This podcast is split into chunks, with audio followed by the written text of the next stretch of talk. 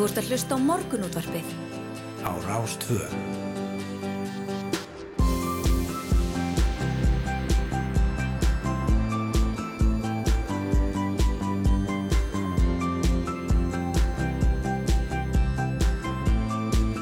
Morgunútvarpið Á Rástfö.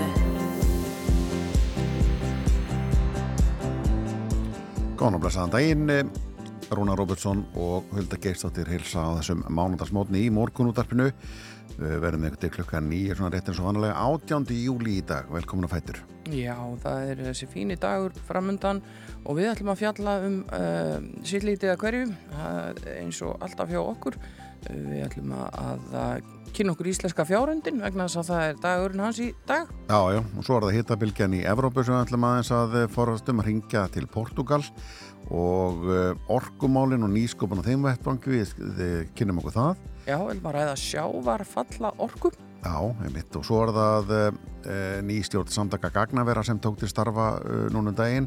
Við ætlum að fá forstjóran, e, forstjóra Borealis Datacenter, hann Björn Brynjúlsson til okkar, en hann er, er kjörinn formaður þessar nýra samtaka. Hann ætla bara segja okkur aðeins nánar um Gagnavera á Íslandi og hverju þið þjóna og annars líkt. Mm -hmm. Hann kemur til okkar rúmlega átta og svo ringi við Steinar Þór Ólafsson sem er sérfæðingur í samskiptum, miðlun og markasmálum. Hann skrifaði hann að bláhaverða fæslu E, á LinkedIn sem ég rak augun í hann er edru forvitin Já, hvað er það? Hvað er það? Við hefum eftir að komast að þínu Það er edru forvitin, mm.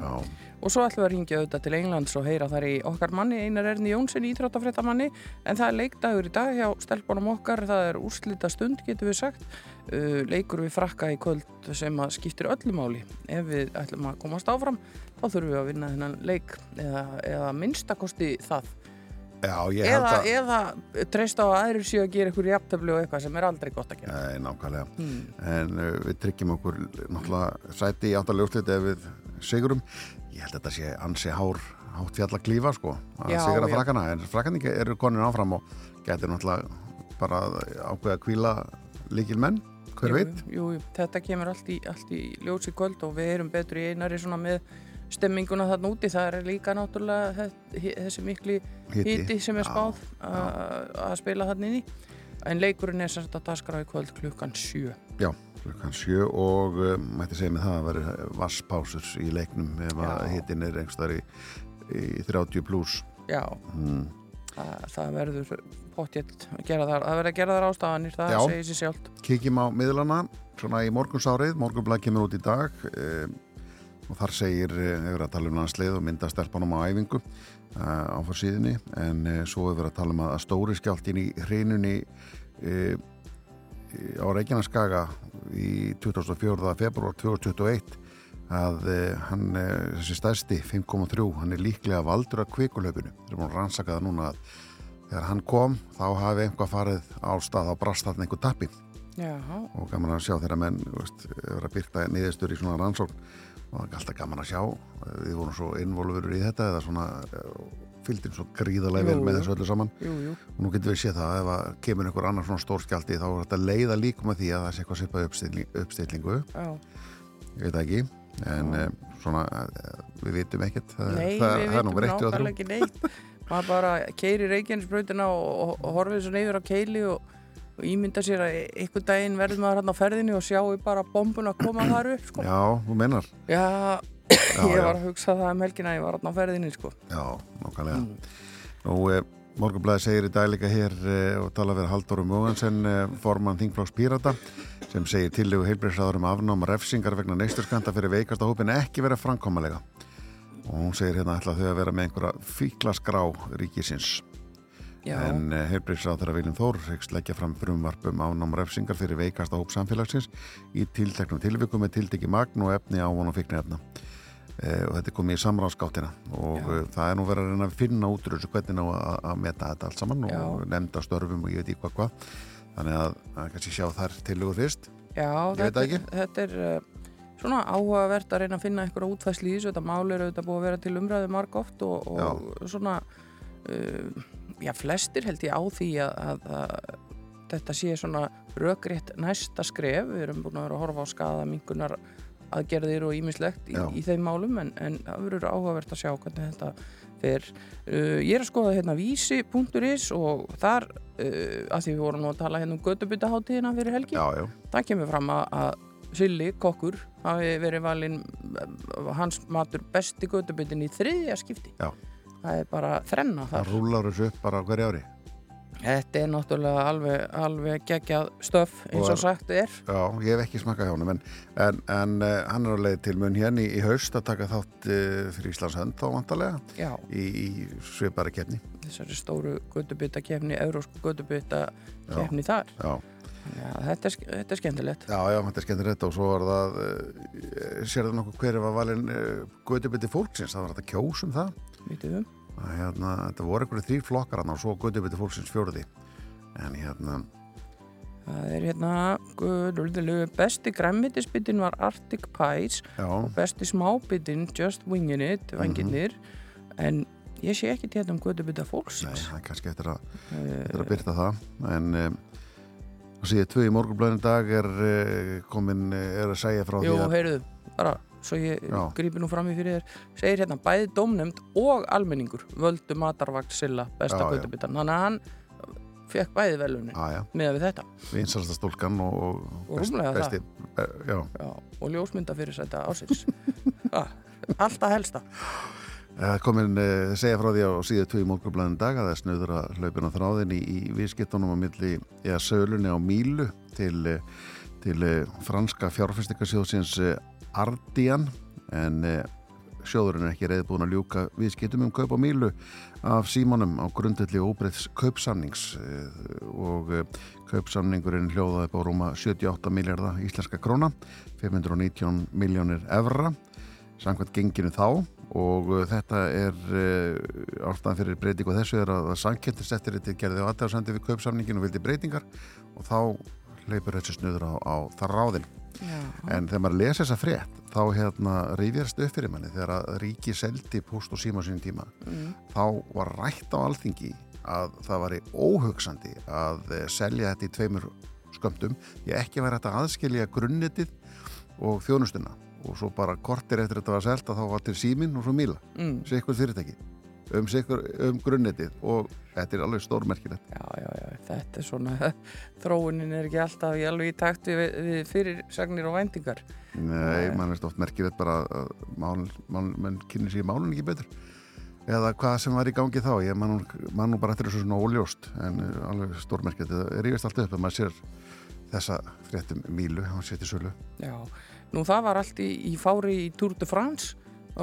Hundur sem var veg fyrir uh, hjólara og, og það fór hann allt, allt í steik út af því. Mm -hmm. uh, tveir hjólræðmenn fjallu í jörðina og, og það er að sjá hérna myndband. Uh, þetta er hérna við fréttablaðsins. Það er myndband frá sem er tekið af Twitter og segir hérna hundinum bregður við þegar hann sér hópuna hjólræðmennum nálgast og ætlar að snúa við. En þegar hann snýr við er hann orðin inni króaður og hrættur hann kom síðan af brautinni eftir að hann ljóp meðfram hjólræðmennunum æjæj, litla greið Já, þetta er svona. Já, við ætlum einmitt að tala um hunda eftir einu nefndum. Já, já, er dagur íslenska fjárhundsins í dag sem að e, skemmtilegur í sveitum landsinstundum það sem hann verist elda bara bíla. Já, hann er ósáttu við snúandi dekk. Já, eða dekk sem snúast sig já. Er það allir áhöft fristitóðarinn Solborgareri hefur verið sagt upp. En Runolfur Viðar Guðmundsson, frangvæntastjóri útgerðarfélags Reykjavíkur og eigandi fristitóðarinn staðfestir þetta og segir að ástafa uppsvegnarnar sé svo að félagið íhjá að kaupa nýjan tógra og þá þarf að segja allum upp og ráða það á nýja tógran. Þetta er ekki bara þessi vinnu í útgerðinni, heldur þeir ráða menn bara á hvert skip fyrir sig. já, já, já. Nú, ok Þannig þannig er það. En frétti framöndan í okkur? Já, það er uh, fréttir núna á slæðinu klukkan 7 eins og alltaf og að þeim loknum höldum við áfram hér í morgunútvarpinu á Rástvö og tökum til við að spjalla við fólkum daginn í dag. Þú ert að hlusta á morgunútvarpið. á Rástvö.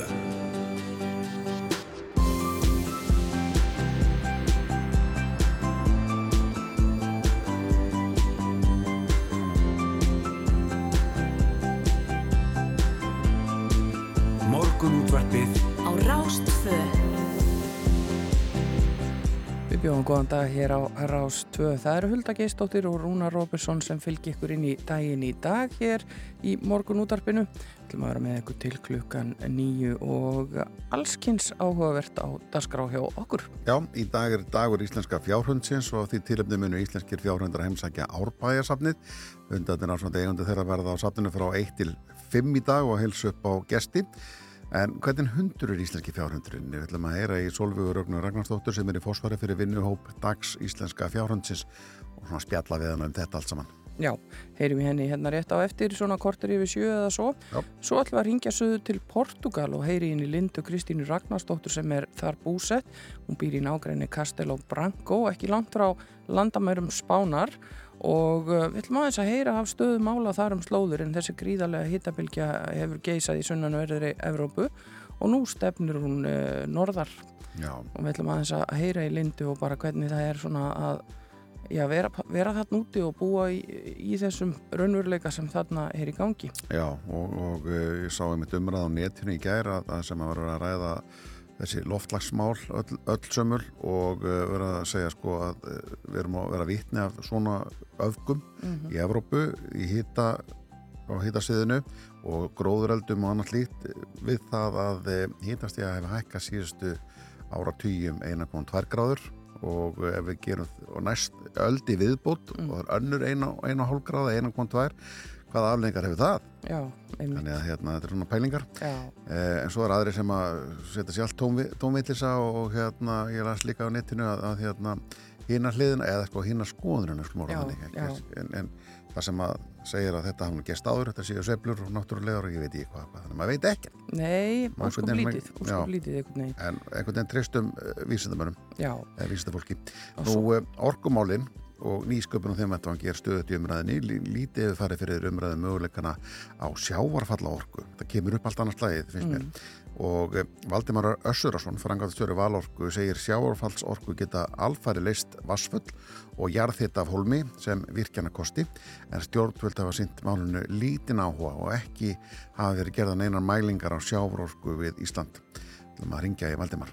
Já, fá að vita svolítið meira um þetta, hvernig virkar þetta og, og, og hvernig eru, er svona framtíðarsýnin í þessum málum. Mm -hmm. Nú svo er það gagnaverin. Já, nýstjórn samtaka gagnavera, DSI tók til starfa á aðalfendir samtakana fyrir skömmu. Björn Brynjúlsson, forstjóri Borealis Datacenter var kjörnum formaður. Björn segir mikil framtíða tækifæri sýttir staðar í gagnaversiðinaði, en hvaða tækifæri eru þetta og hvað hafa gagnaverin gert fyrir upplýsingatækni og fjarskiptiðinaðin á Íslandi og eh, hvaða hlutverk sinnaðu? Björn ætlar að mæta til okkar og fræða okkur um þetta. Já, svo ætlum við að, að líka faraðist um það hvaða er að vera edru forvitin.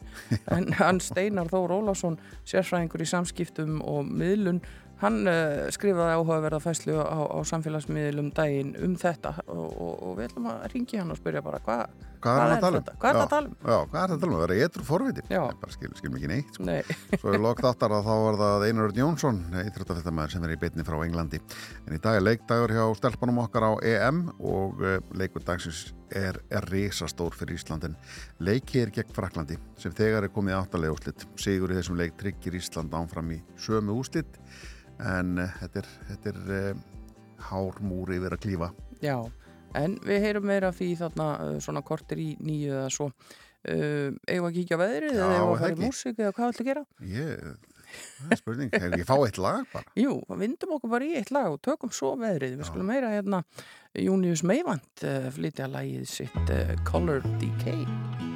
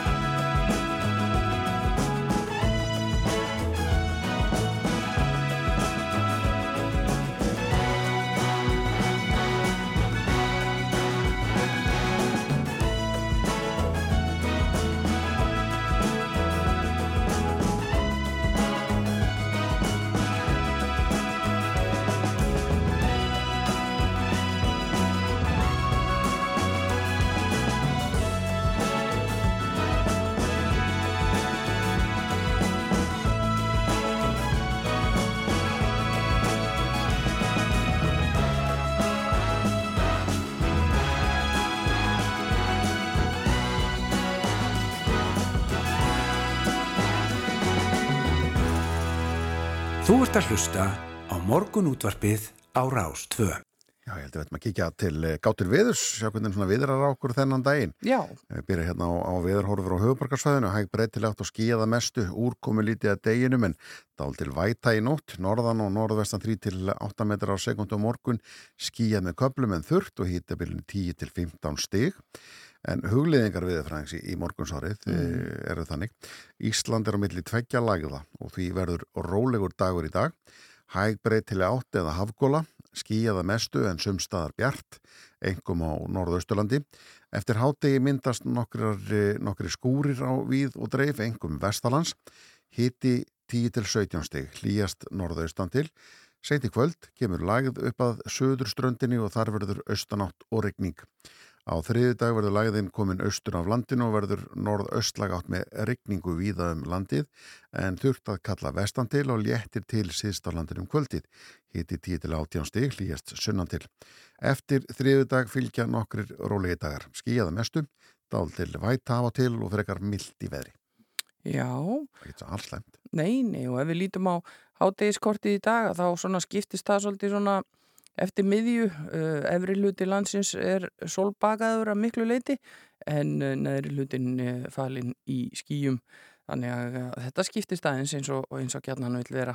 Mm og það eru ímsar framkvæmdir í gangi uh, og eiginlega ofalangt mála að telja upp í hérna, við höfum fengið hérna upplýsingar um til dæmis Malbyggun viða í Reykjavík og höfuborgarsvæðinu en bara rétt að ítreka þetta að við förum valega þar sem er verið að vinna og uh, hægjum á okkur, förum eftir merkingum og öndum bara onni maðan, Já, er það ekki best? ég held að það sé alveg best. Já, að uh, gefa mönnum andri mitt þess að, að, að, að vinna þessa vinnu og uh, maður sé ekki í einhverju hættu. algjörlega, það er málið.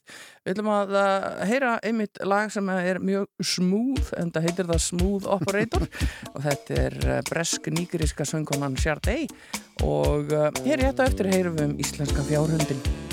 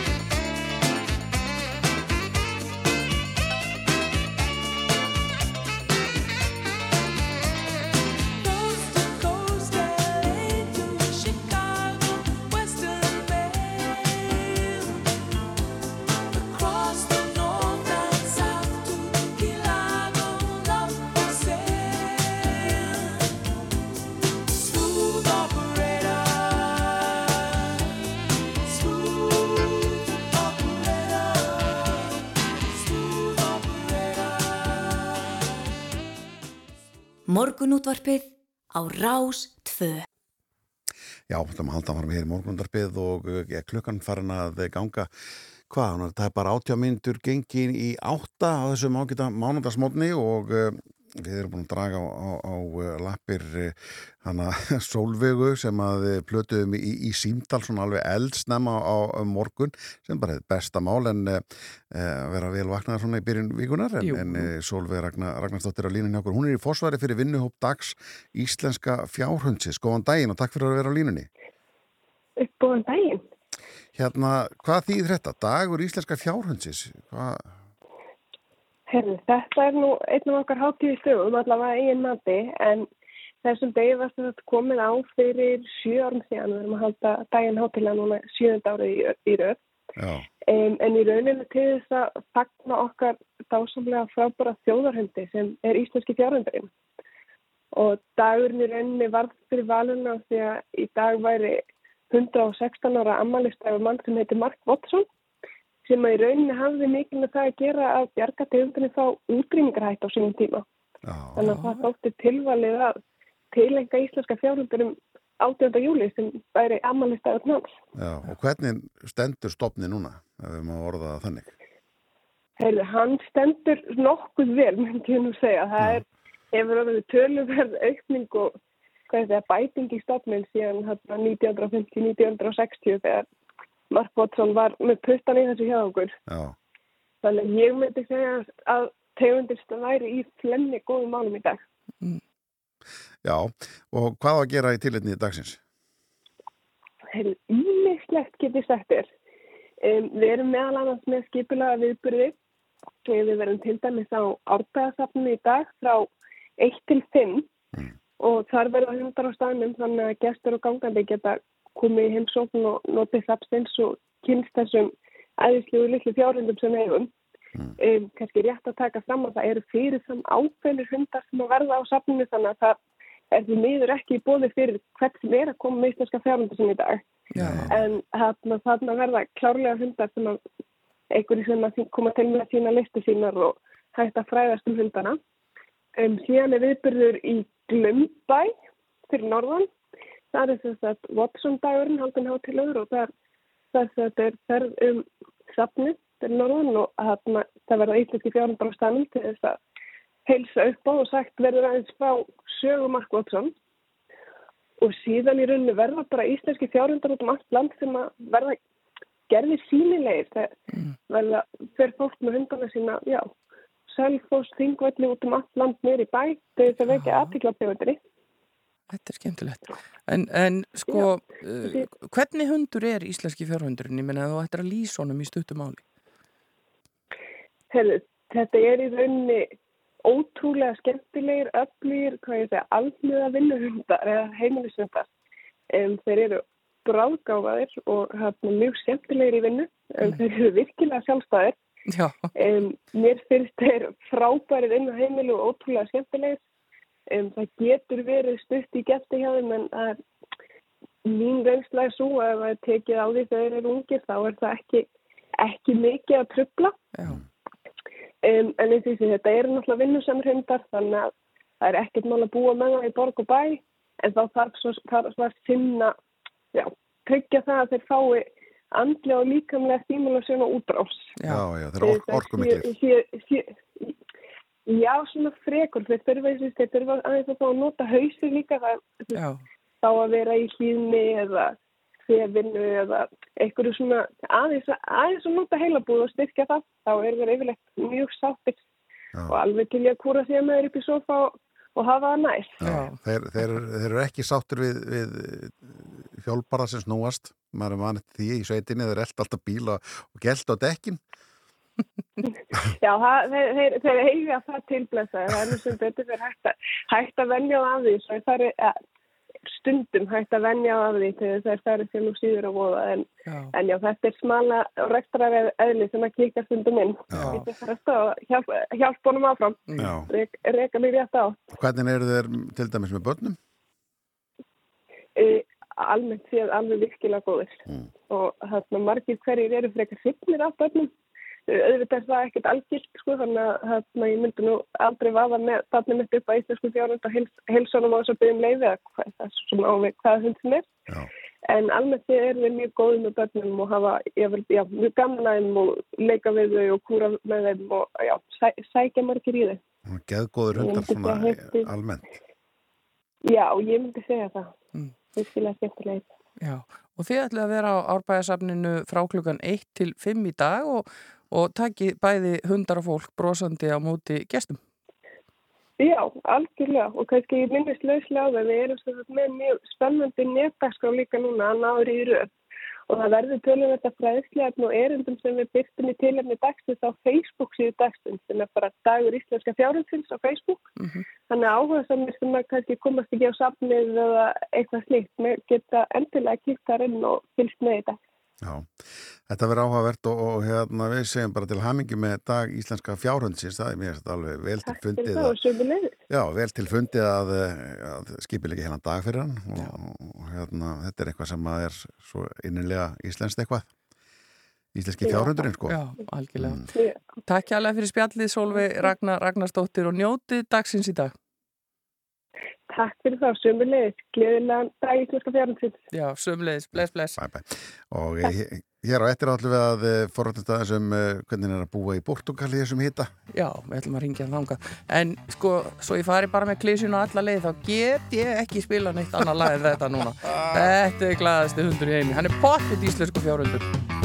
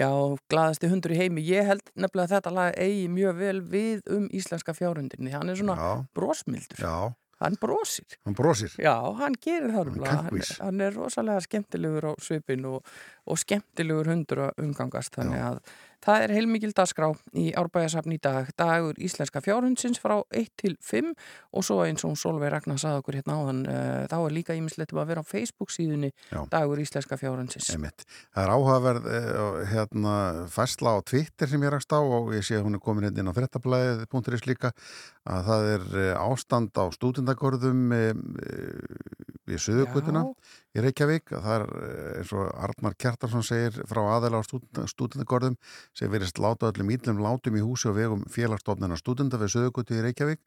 Og uh, það er einhver fávitir sem er að leika sér að því að eðilegja fyrir öðrum og samegnir byggingarinnar, segir hann á Twitter síðu sinni. Hann býr ekki hérna sjálfur, hann bjóð hann einu sinni og er ennþá í, í, í Facebook-grúpunni og það sé að það er allt í steikarna.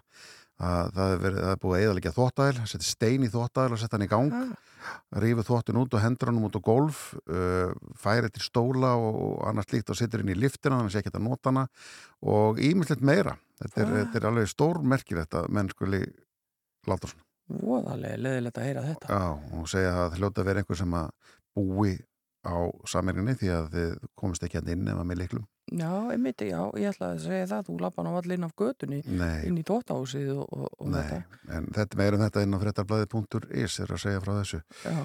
Ah, En hér framöndan hjá okkur uh, stutt fréttaeflið núna á slæginu hálf og að því loknu ringjum við til Portugal og heyrum að stöðu mála þar.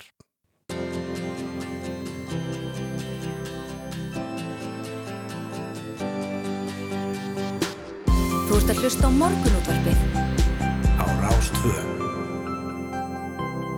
Já, en þá stöðu á stemming á flugurlum út um Já, hinga og þangað um, um heiminn. Jú, jú, og, og, og ég get uh, laka til, ég er að fara til Amsterdam á morgun. Ah, Ha, er það ekki aðalvandamálið að fara í gegnum skipól allavega bakaleiðinni? Jú. En við tökum þetta allt, allt með, uh, á æðruleysinu og öndum, öndum djúft. En uh, svona eina megin fréttum bara í Evrópu í dag er þetta, þetta hrikalega ástand með hitabilgjuna sem hefur geisa í sunnanverðri Evrópu og gerir enn og nú stefnir hún norðar til Já. dæmis og, og vera að tala um áhrifin í, í Breitlandi í dag en á línunni hjá okkur í Portugal er hún Linda Kristín Ragnarsdóttir hún er búsett í, kast, eh, í nágrenni Casteló Branco sem er ekki langt frá landamærum Spánar og ætlum aðeins að taka stöðuna hjá henni. Góðan daginn Linda. Góðan daginn. Uh, hvernig er ástandið þar sem að, þið búið? Uh, þú hefur nú sloppið við mestu hættuna sjálfur, það ekki? Uh, Varðan elda náttu við. Já, Jú, það er ekki mikið um elda hér hjá okkur í græntinu sem betur fyrr. Þeir geisa annars þar í landinu og þannig að við erum mjög heppin, þannig að það séð. já. En, En það er, hefur verið, já, hva, hvað með hitan, segiru? Hvernig hefur það verið?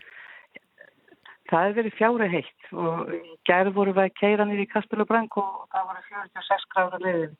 Þannig að það besta sem maður getur gert akkurat núna er að vera inni við í loftkældu húsi eða á ferðinni í loftkældu bíl. Já, 46 gráður Já. og bara bráðna bara ekki malbyggið eða hvernig, hvernig er, hvað áhrif hefur þetta bara á umhverfið? Það er náttúrulega, þetta náttúrulega þurskar landið upp þannig að það er mjög viðkvæmt fyrir skóareldum Já. og gróðureldum öllum, Já. eðlilega. Og þetta, þetta hefur líka áhrif á, á, hérna skulum við segja, grænmeti og ávexti og allt sem er verið að rækta í landinu. Já. Þetta verður allt, þetta verður allt einhvern veginn smerra og, og, og minna Og, og, og, og hérna þotnar og skalnar. Já, en, en uh, þú hefur vantilega fylgst með fréttum þarna í, í Portugal og, og við, við fáum auðvitað fréttir hingað heim líka. Það var orðið ykkur, ykkur döðsföll og, og, og svona fleira alvarlegt. Sko það hafa orðið tvö döðsföll sem vita er um. Annars vegar var það flugmaður hérna, vélar sem var fyrirtöki sem var að fara með vatn, vatn á, á elda og hins vegar var það slökklismadur sem, eh, sem dó í gæri af, af brunasárum. Já. Og, og hvernig er spáin núna framundan? Er þess að verða lokið eða munið þið þurfa að eiga við þennan mikla hita eitthvað áfram? Sko í dag verður til dæla svart að hitin á að fara upp í 33 gráður Já, í dag og á morgun. En svo að miðugudaginn fer það upp í 38 og verður í næstu viku. Þannig að þetta er svona, við verðum bara að sjá til. Já, 38 gráði hiti, þetta er bara komin herra en líkansittin og það er bara vantarlega ólíft. Er, hvernig er, er hérna algengt að fólk búi með og sé með loftræstingu hjá sér uh, á þessum slóðum eða er það eitthvað sem að fólk þarf að huga að núna? Nei, það er misjæft. Í eldri húsónum er minna um það náttúrulega. Já. Þau eru byggð þannig, þau eru byggð úr þykkum granít steinum sem að eiga að halda hítanum úti. Mm. En í nýri húsum er loftkælingu og það er þörf, virkilega þörf á loftkælingu. Það, þetta er ólíft án þess að- geta kælt í kringu sig. Já. Þú, þú, og, þú er búin að búa þarna ekki, ekki mörg mörg ár en í, í svolítinn tíma uh, þetta er ekki fyrsta Já. s- sumarið þitt uh, er þetta bara að verða fastur liður að, að það komi svona tímabil á sumurinn? þetta er að heitast það sem að ég hef upplifað hér. Já, það allra heitast og það byrjaði snemma, það var heitt strax í mæ, ógunni heitt. Mm. Það var hiti þá sem að venjulega kemur í lók júli og byrjun ágúst. En, og, og það er svolítið áhugast að segja frá því að hér er ekki hægt að vinna eftir klukkan tíu á daginn, eh, úti þar að segja. Þannig að dagurinn byrja klukkan 6 á mótnana, það er verið að vinna í gardinum hjá okkur núna og þeir byrja klukkan 6 á mótnana og hætta 10 á daginn af því að það er ólýst eftir þann tíma. Já, Já, og, bara, og það er bara ekkert meira unnið þann daginn. Í það kannski að við komum eftir 6 til meðan Já. dagsbyrstu nýtið við. Þetta er Já. magnað að þurfa að skipta sér svona upp. En, en eru einhverjar aðvarnir í gildi, eru yfirvöld að, að, að taka á þessum málum? Já, já, við, það, kemur, það er sendt í símana hjá okkur viðvörunum um óvinni hátt hýtastig og fólk er bara við og beðum að halda sig heima við, við erum ekki úti, við drekka mikið vatn. Mm. og, og það hefur ekki orðinni uh, vasskortur eða annað slíkt sem er að hafa áhrif? Ekki ennþá, ekki ennþá, en það náttúrulega er ennþá bara rétt nýður júli, þannig að það er alveg eftir tveir, það er. Já, En það er kannski líka áhugavert að segja frá því að, að það er sundlu í garðinum hjá okkur Mm. og, og mér var sagt að fyrsta sumar sem ég var hérna, ég er að búa það að ef það kviknuðu skóareldar í nágreininu Já. Þá hefðu þyrftum leiði til að sækja vatn í næsta vassból sem þau sæju. já. Þannig ég var að vera tilbúin að forða mér. það er frá. Það getur komið bara hreinlega og, og dýft bara skjólinu og í sundlaugina þína. Já, og þeir hafa leiði til þess vegna þess að þetta er náttúrulega neyðar ástand þegar Já. kvikna endar. Já, Já, þú er ekkert lent í því samt sem að þeir. Þú er bara búin að búa þundir Nei, það. þetta betur fer ég, já, ég er hérna fæast að pínu stress sko. þegar, þannig, þegar þannig bara við sko. Já, heyrir í Ég- og þyrli miklar áhyggjur að lenda í skjólunni. Já, Já, nákvæmlega. það hef ég áhyggjur að ég lenda í skjólunni. Ég ætla bara að segja ykkur það. Já, vera að taka, kannski, taka morgunsundi og enda svo bara einhver staðar á fara flugi. með bara. Ah, Já, en, en þú talaður um, um uh, landbúnaðin og ræktunina. Þetta eru auðvitað þessi lönd sem að umræðir uh, Portugal, Spátn og Frakland. Þetta eru mikil, mikil uh, landbúnaðalönd. Þannig verið að rækta uh, eins og segir allskins ávestu og, og græmiti. Uh, mun þetta hafa afgerandi áhrif á uppskýru eða mun þetta bara svona rýra gæði uppskýrunar? Það var allt þetta að koma í ljós og það fyrir svo sem eftir því bara hversu lengi þetta ástand varis og, og auðvitað hversu mikið af landi fer, verður eldinum að bráð. já, Það, til dæmis, er, sko, það, það er nógu langt frá okkur til þess að við séum ekki hættu en á svæðin þar sem aðal kirsjubur er afturlega Já. þar voru eldar í gær þannig að ég veit ekki hvernig verður með kirsjubur í uppskjöru næsta árs hvort að þau tré brunnu við Já. veitum það ekki ennþá. Nei, en þetta lítur að vera sérstök upplifun fyrir, fyrir konu ofan á Íslandi að, að, að sita þarna inn í, inn í þessu miðju og, og, og tækla þennan raunveruleika. Já, þetta er, þetta er, annað, þetta er annað taktur og ég verð alveg að segja það að mér þykir kuldin betri. Já, Það er að klæða hann af sér. mm, Já, ég sé hérna að bara í fréttum frá og samantækti á Reuters eh, sem að var uppfar fyrir 18 klukkutundum síðan að um það beil 25 byggingar eru farnar eh, út af þessum gróðureldum í Portugal já, og, og yfir 480 ferkilometrar eh, hafa orðið fyrir barðina á þessum eldum. Mm Þannig að þetta er ekkert smáraði. Já, þetta er, er- nei, þetta er ekki smáraði. já, Og þetta er reyndar graf alvarlegt mál og mikil auðvitað mengun sem fylgir þessu mistrið liggur yfir.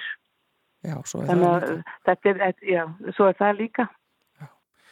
Já, þetta, þetta ljómar ekki vel en, en við vonum að, að uh, það fari að draga úr þessu og eins og þú segir þegar þú ert farin að tala um að það sé frekar svalt svona í rétt rúmum 30 stegum þá, þá hefur það orðið vel, vel heitt uh, inn á milli, það er alveg, alveg á reynu. Uh, takk fyrir að vera á línunni hjá okkur, Linda Kristín Ragnarstóttir í Portugal. Við sendum auðvitað bestu kveðjur uh, þarna söður eftir og, og vonum að, að um, þetta klárist sem fyrst, þetta alvarlega ástand sem þarna ríkir. Já, við vonum það líka. Takk fyrir mig. Já, takk alveg fyrir Bestu spjallið. kveðjur heim. Já, sömulegis. bless, bless. Bless, bless. Já, aðdeglisvert að heyri í henni þarna 46 stiga hiti þegar Já, þau voru að keira þarna niður í bæ uh, í gær Já, eða núna um helgina og, og alltaf sé eitthvað um, um uh, malbyggsblæðingar eins og verður hér þegar hittast því þegar við 15 velti fyrir mér bara hvernig veginnir hann eru. Þetta, er, þetta, er, þetta er hljómar allavega alveg svakalega. Og, og eins og ég segi vonandi um, næst einhvern veginn að að ná utanum þetta, við munum eftir þessi fyrra sumar þá voru svo Mm. mikið verið að tala um uh, skóareldin á Greiklandi Já, og, og, og Tyrklandi já, og, þá einmitt eh, tóku við stöðuna þar. Já, og um, þetta virðist því miður vera bara komið einhvern veginn til að vera. Já, það verður styrra Þessar- komi, komi, en, en, en já, þetta er uh, maður getur ekki ímyndast sér hvernig er að vera þarna í svona miklum hita. Og, og eins og hún sagði að, að það er unnið frá 6 til 10 á mótnana, já, svo er það bara ólíft að vinna já, og svo kannski aðeins eftir klukkan 6 í eftirmyndaginn svona meðan það er ekki orðið myrkur Já. Þetta er alveg útrúlegt. En hér næst ætlum við að uh, forvitnast að þessum nýsköpun í orkumálum og hvaða möguleikar felast í sjávarfalla orku. Við ringjum í Valdimar Össurason, frangatastjóra Valorku hér eftir augnablík, en fyrst ætlum við að heyri inn í Corinne Bailey Ray sem að segja okkur að skella bara plöta á fónin.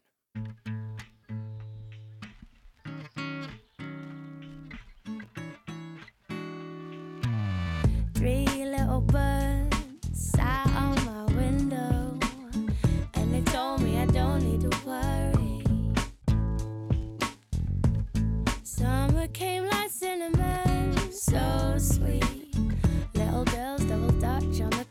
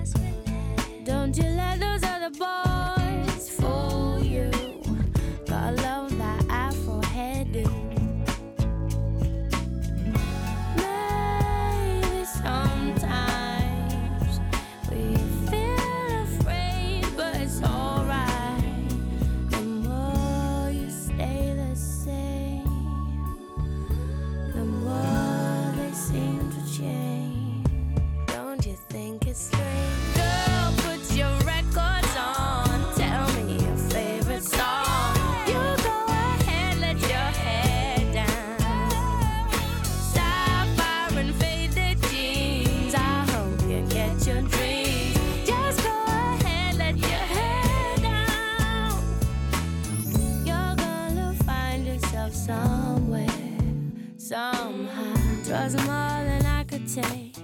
Pity for pity's sake. Some nights kept me awake. I thought that I was stronger. When you gonna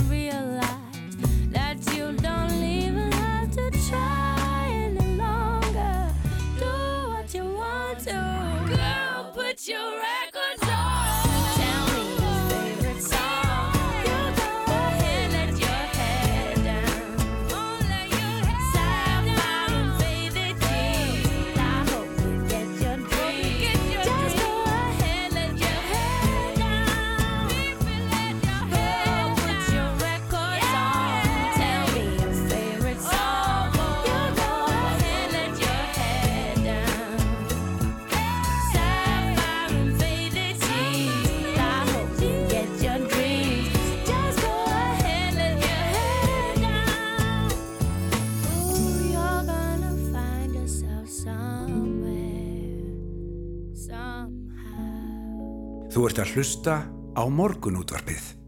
Á Rás 2. Já, úr hitanum í Portugal förum við hingað heima aftur og ætlum aðeins að velta fyrir okkur orkumálum og nýsköpun á þeim vettfangi sem er stöðut í umræðinni en það hefur svona lítið farið fyrir að minnsta kosti almennri umræðu um möguleikana í sjávarfalla orku. Það er ekki eitthvað svona sem við almenningur þekkjum mikið til. En uh, Valdimar Össurasson er framkvæmdastjóri Valorku, hann segir sjávarfallsorku geta alfarið leist vassföll og jarðhita af hólmi sem virkjana kosti en stjórnvöld hafi sínt málinu lítinn áhuga fram að þessu og uh, Valdimar er hér á línunni hjá okkur. Góðan daginn. Já, góð dag. Uh, útskýruð kannski fyrir okkur fyrst hvað þetta er, hvernig virkjar maður sjávarföll?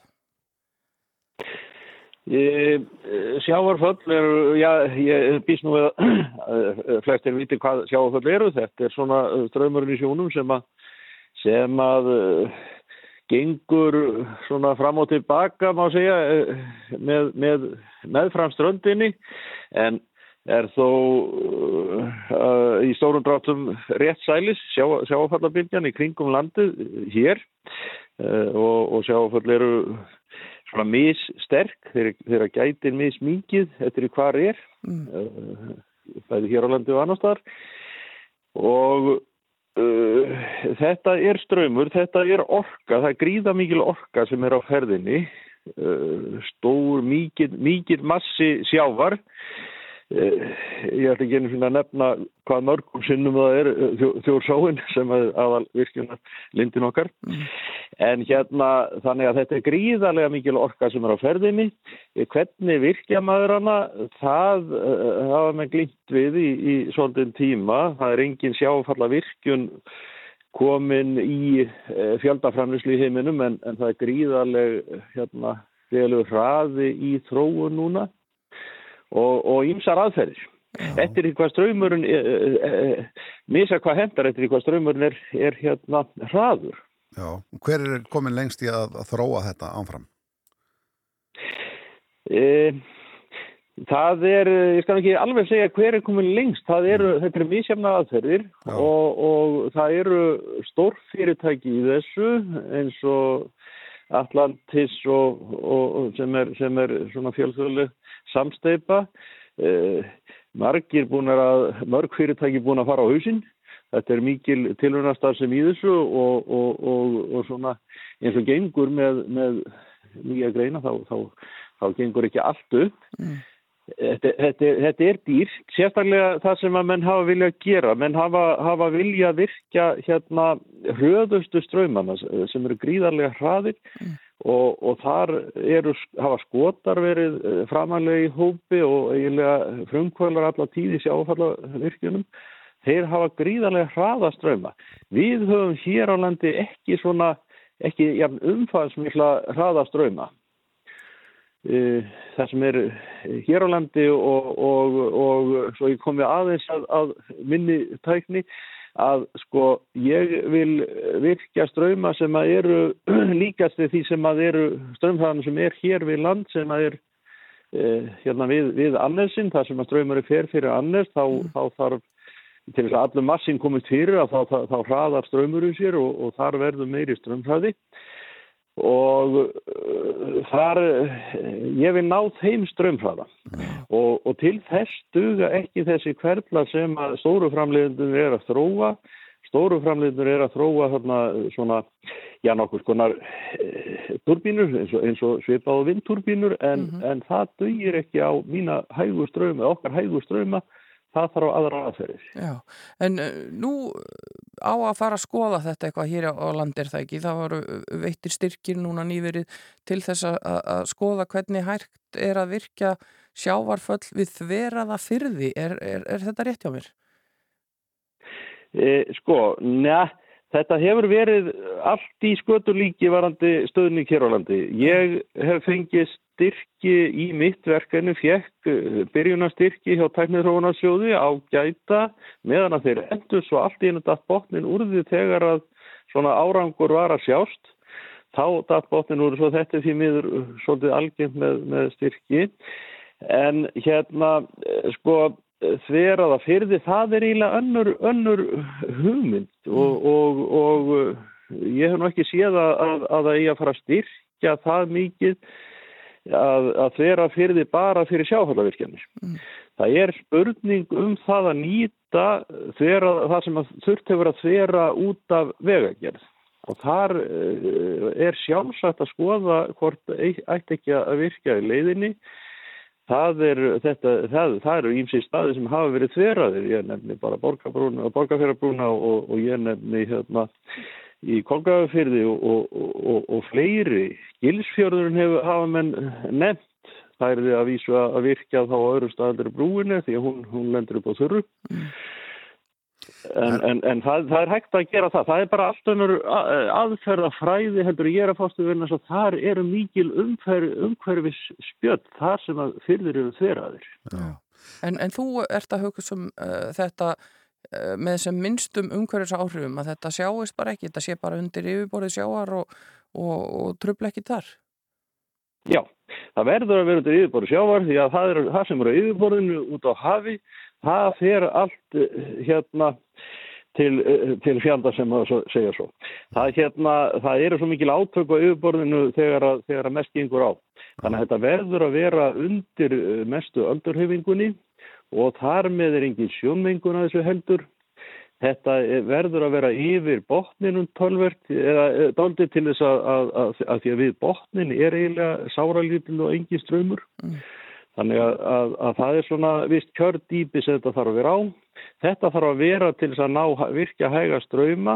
Það er dreifð orka svolítið og þetta þarf þess að vera svolítið stóri hverlar, ná yfir, uh, taka yfir stórt svæði og sapna orkunni á stóru svæði og það geta nefnilega skrúðu hverlar ekki en það getur minn hverfið.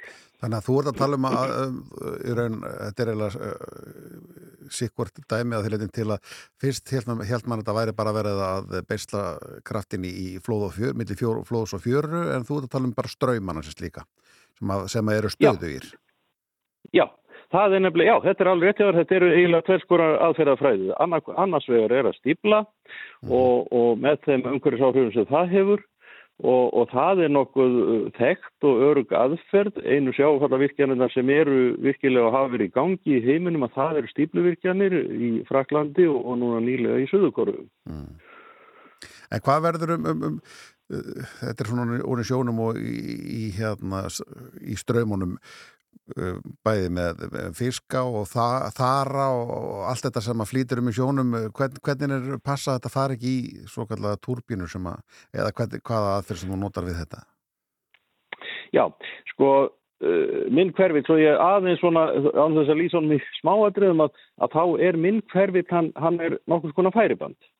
Hann er eiginlega stór segl sem að ganga, ganga eftir færibandi og svo er við aðferð nótu til þess að opna og loka og, og getur orðið gríðarlega langt. Þetta er, þetta er, það er búið að prófa þetta í keri með góðum árangri og, og, og, og hérna, eiginlega orðið klárt í sjóprófanir en fást ekki styrkið til þess. Já. En sko, varðandi botnrekið, það fer undir.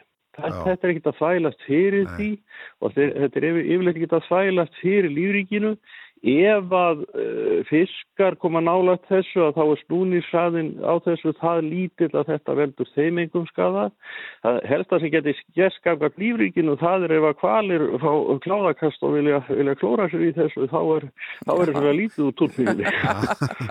og er, þetta sem að þú ert að vinna með er þetta þín uh, uppfinning Já, þetta er algjörlega mínu uppfinning og, og hún er, er einstök á, á heimsvísu. Það er ekki neitt svona sem að er, er já, já, ég segi ekki, það er til uh, hugmyndir í líkingu við þetta en ekki með mínum svona aðferðu sig til, til henda hér. Já, þú hefur verið nokkuð gaggrínin á stjórnvöld að- að svona sína þess ekki meiri áhuga og fylgja þess ekki betur eftir. Uh, ef að allt uh, væri eins og þú vildir hafa það og þú fengir þann stuðning sem þú telur þið þurfa, hvað gæti þetta tekið langan tíma? Hvenar væri raunhæft að sjá svona virkjanir á Íslandi?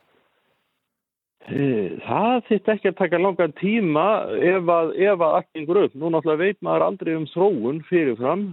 Það, þessum er þetta þróun að, að maður kannski veit ekki, maður getur að til tíma sett árangurinn, hvenar hérna, prototýpa er komin í, í, í framlýslu höst ástand. Mhm. Þannig að, en, en ég sé ekki annað en þetta ætti að geta gengið, þetta er orðið hjá mér það þróa, þetta ætti að geta gengið mjög hratt að geta skilað ykkur, svo veit maður ekki, það er erfitt að reyna fyrirfram, nákvæmlega hverju það skilar, en, en, en þá er líka spurningum um stækvaramöðlinga.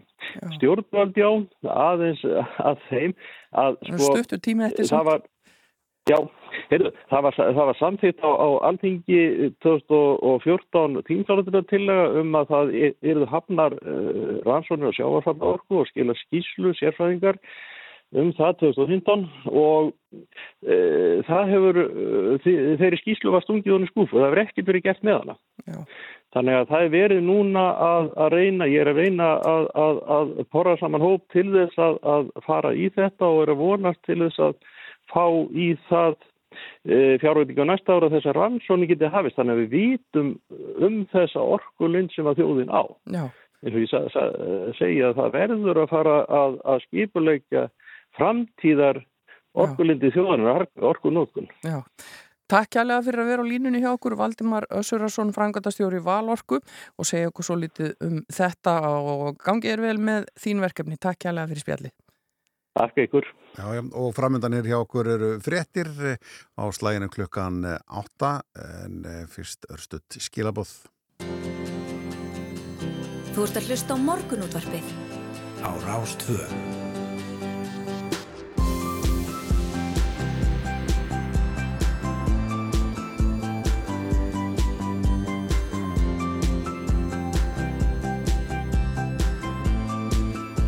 2. Morgunútvarpið Á Rás 2.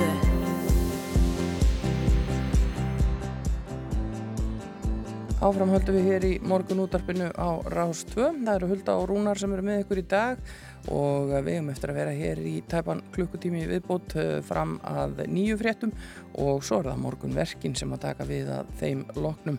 Já, það er leikdagur í dag hjá stelpunum okkar eh, á EM í Knarsbyrnu á Englandi. Svo Það sannlega. spila á kvöldmandatíma í dag og þar leðandi riðilast fréttir og annars líkt í sjónvarpi. Mætti segja með það en við ætlum að ringja til Englands og heyra í einar Erni Jónsson í Íþróttafettamanni sem er að lýsa leikjónum Jú, jú. taka stöðuna. Já, við heyrum í honum uh, svona kortir í nýju eða svo og uh, svo ætlum við að velta fyrir okkur hvað það er að vera edru forvitin. Já, að vera etru forvitin. Hann Steinar Þór Ólafsson ætlar að segja okkur allt um það um hálf nýju og svo hérna eftir smá stund að þá ætlar hann að setja sig á okkur hérna hann Björn Brynjólfsson, hann er e, nýr, forst, nýr hérna, hann kjörum formaður samtaka gagnavera og hann ætlar að segja okkur hvað gagnaver gera.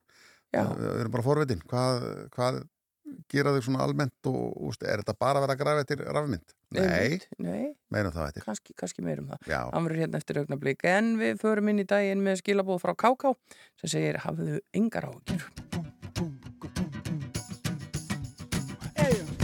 Ó, hafðu engar áhyggjur Lífið það er sem það er Fer sem það fer Ó, ekkert val Um það sem koma skal Við kjöklum og grátum og vælum og volum Með kvíð og ángist af komandi sorgum. Þú veist ekki neitt hvað verður á morgun. Óskrifa Og ef börnin í þig ónótum hreit og að þið sækir langtíma þreyt. Og þig fer að langa fá þér í feita hvað er nú það?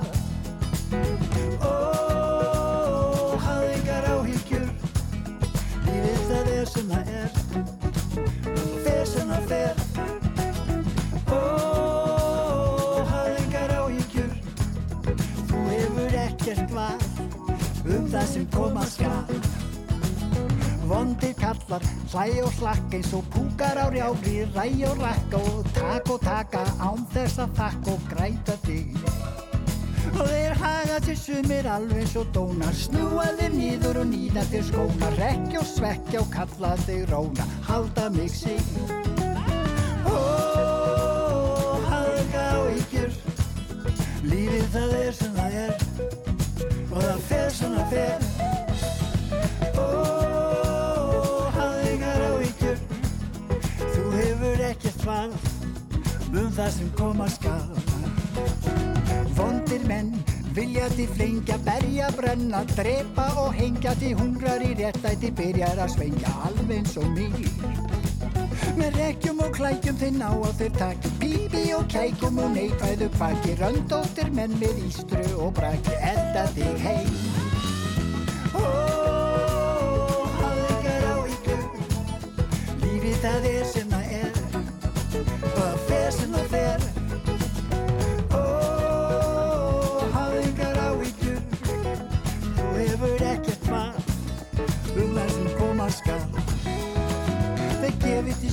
þeir stendur á sama skikja á sólina, öllum til ama skilja okkur eftir arga og grama við rekum til sjós. En heimur er vondur og skilningsljór og sjóarpið býður með ískaldan bjór og gleipir öll vandamál lítil og stór, draumur í dós. Ó, hafðu engar áhyggjur, lífið það er sem það er, já, og það fer sem það fer.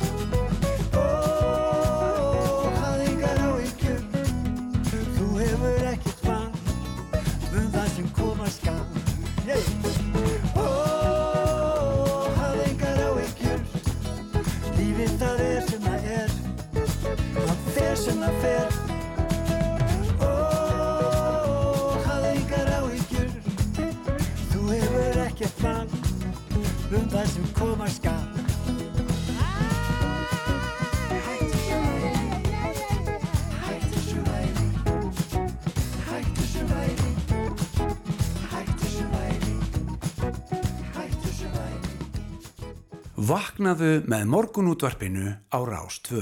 Já, og svo Káka segir hætti svo væri. Já, hætti þessu væli, þetta er góð setning.